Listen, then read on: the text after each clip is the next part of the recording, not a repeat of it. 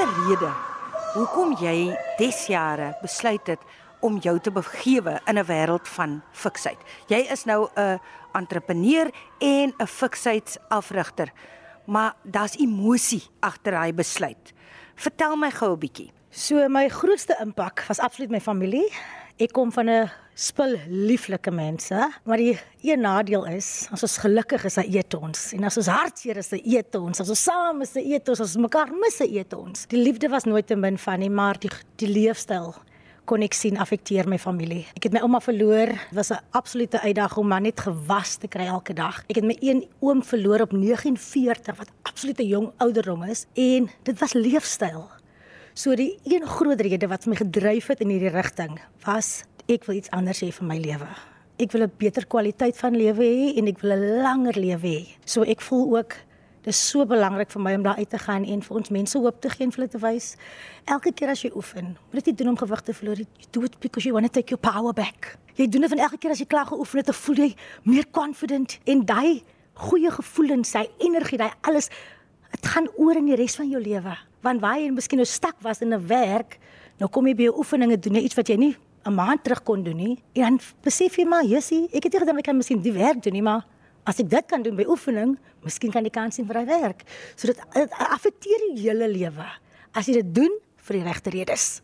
Sê my gou, waar het jy groot geword en hoe het jy groot geword? Jy praat nou van julle was hartlike mense. Jy kom uit 'n familie waar almal hartlik is, maar die blydskap en die genot van dinge en die feesvieringe was altyd rondom kos. Ja. So hoe het jy groot geword? Ek het in Van Wyksvlei in Wellington groot geword. Ek het groot geword in 'n gemeenskap wat nie so bevoorreg is nie. Ek sal sê ek was een van die bevoorregste mense in die gemeenskap. As ek net kyk na ons het nooit tekort gehad aan kos of enigiets. Ek was in 'n goeie my pa kon my in 'n goeie skool sit.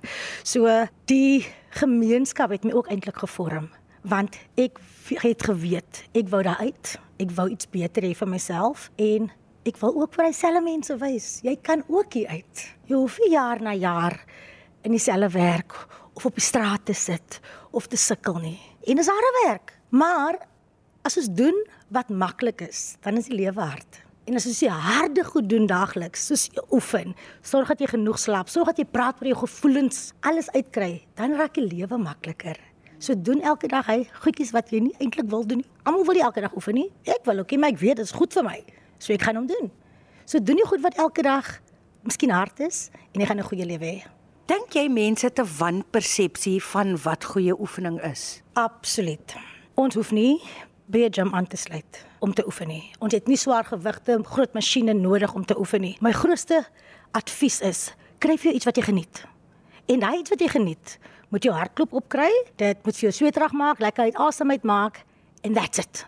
So vir sommige mense is dit stap. Vir sommige mense is dit 'n Zumba klas. Sommige mense kan net die musiek aansit, hulle huis lekker skoon maak. Die belangrikste is die consistency. Ons moet dit gereeld doen. Jy moet 3 keer 'n week ten minste oefen. So, as jy iets gaan kry wat jy geniet, gaan jy oefen. Maar as jy net oefen vir die gewig, gaan jy gou stop. Dit gaan dit gaan nie hou nie. Kry iets wat vir jou werk en vir sommige mense is dit so eenvoudig soos om op jou bed te lê en jou een been op te lig 10 keer en dan lig jy die ander been op 10 keer.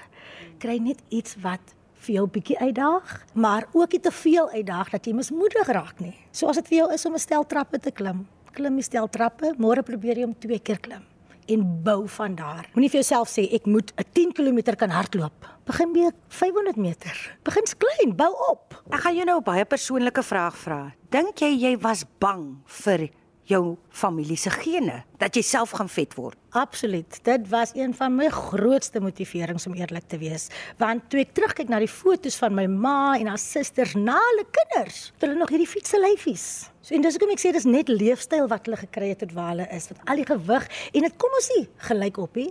Dit kom stelselmatig op en as jy weer vir jou sien oor die jare dan kyk jy terug as jy 30, 40, 50 kg swaarder. Maar dag tot dag besef ons dit nie. Hulle was 'n groot rede hoekom ek besluit het om hierdie werk te doen want ek wil nie, ek wil nie sukkel as ek ouer word nie. Ek wil hê my kinders moet eendag met my sukkel nie. Ek wil kan berge klim. Ek hou van dans. Ek wil op tafels kan dans as ek 60 is. Ek bedoel, hierdie lewe doen ek sodat ek die res van my lewe kan doen net wat ek wil van baie kere dink mense 'n fikse en gesonde lewe is 'n beperking. Dis 'n werk, dis moeite. Nee, it enhances us. As ons dit reg doen, dan maak dit al die ander dele. Ek bedoel jy gaan 'n beter ma wees, jy gaan 'n beter vrou wees, jy gaan beter doen by die werk, jy het meer energie, jy het meer geduld, so dit affekteer alles. Weet jy wat vir my nou nogal aangrypend is, is dat iemand vir my vertel het en dit is wat my op jou spoor ge geplaas het, dat haar suster ehm um, het aan erge depressie gely. En jou kom sien bloot net deur eenvoudige oefening is sy nou 'n gelukkiger mens. Uh, wat vir jou belangrik is, is dat jy voet uit die siel uit, nê? Nee. Dit is so belangrik om die fokus reg te hou en om te fokus op hoe jy voel meer as hoe jy lyk. Like want ons is so gefokus op hoe ons lyk, ons vergeet ons is sielsongelukkig. So die oefening moet vir jou laat lekker voel. Dis hoekom ek sê as jy oefeninge gaan doen wat nie vir jou werk nie. En kyk ons almal het 'n persoonlikheid, ons almal het 'n oefenpersoonlikheid. So nou probeer jy iets doen wat iemand anders het gesê, hoor jy, ek het 20 kg verloor op hierdie program.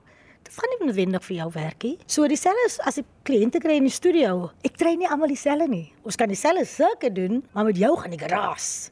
En waar gaan ek sê, jy weet mos jy kan saggies praat.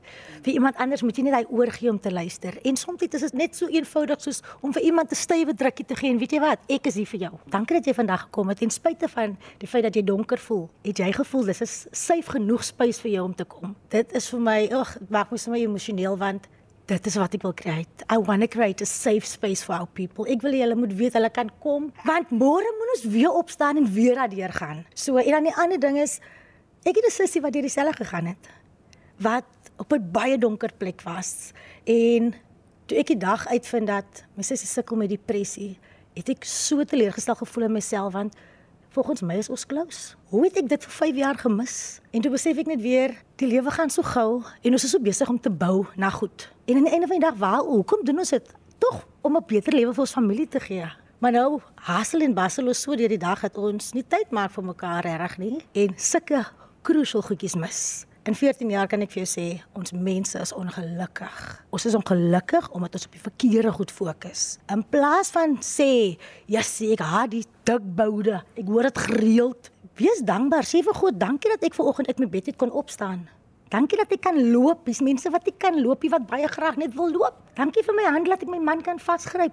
En as ons fokus op die goeie wat jou liggaam vir jou gee, wat jou liggaam vir jou bied, dan gaan jy mos respekteer of dan gaan jy mos respek hê vir jou liggaam en lief wees vir jou liggaam. En baie keer is mamma so erg op hulle self want jy sê jy gesien ek gesien hoe ek my maag na my kinders. Jy gesien die rekmerke. As ek sê, daai lyf het vir jou drie pragtige kinders gegee. En ek bedoel ons is mos nie plastiekie. Ons is mos iets wat weer kan terugsmelt hè. Ons rek en ons strek. So jou liggaam vertel jou storie. Jou liggaam sê wat deur jou alles is. En hier staan jy nog steeds. Hoe kan jy nie lief wees vir daai wissel nie?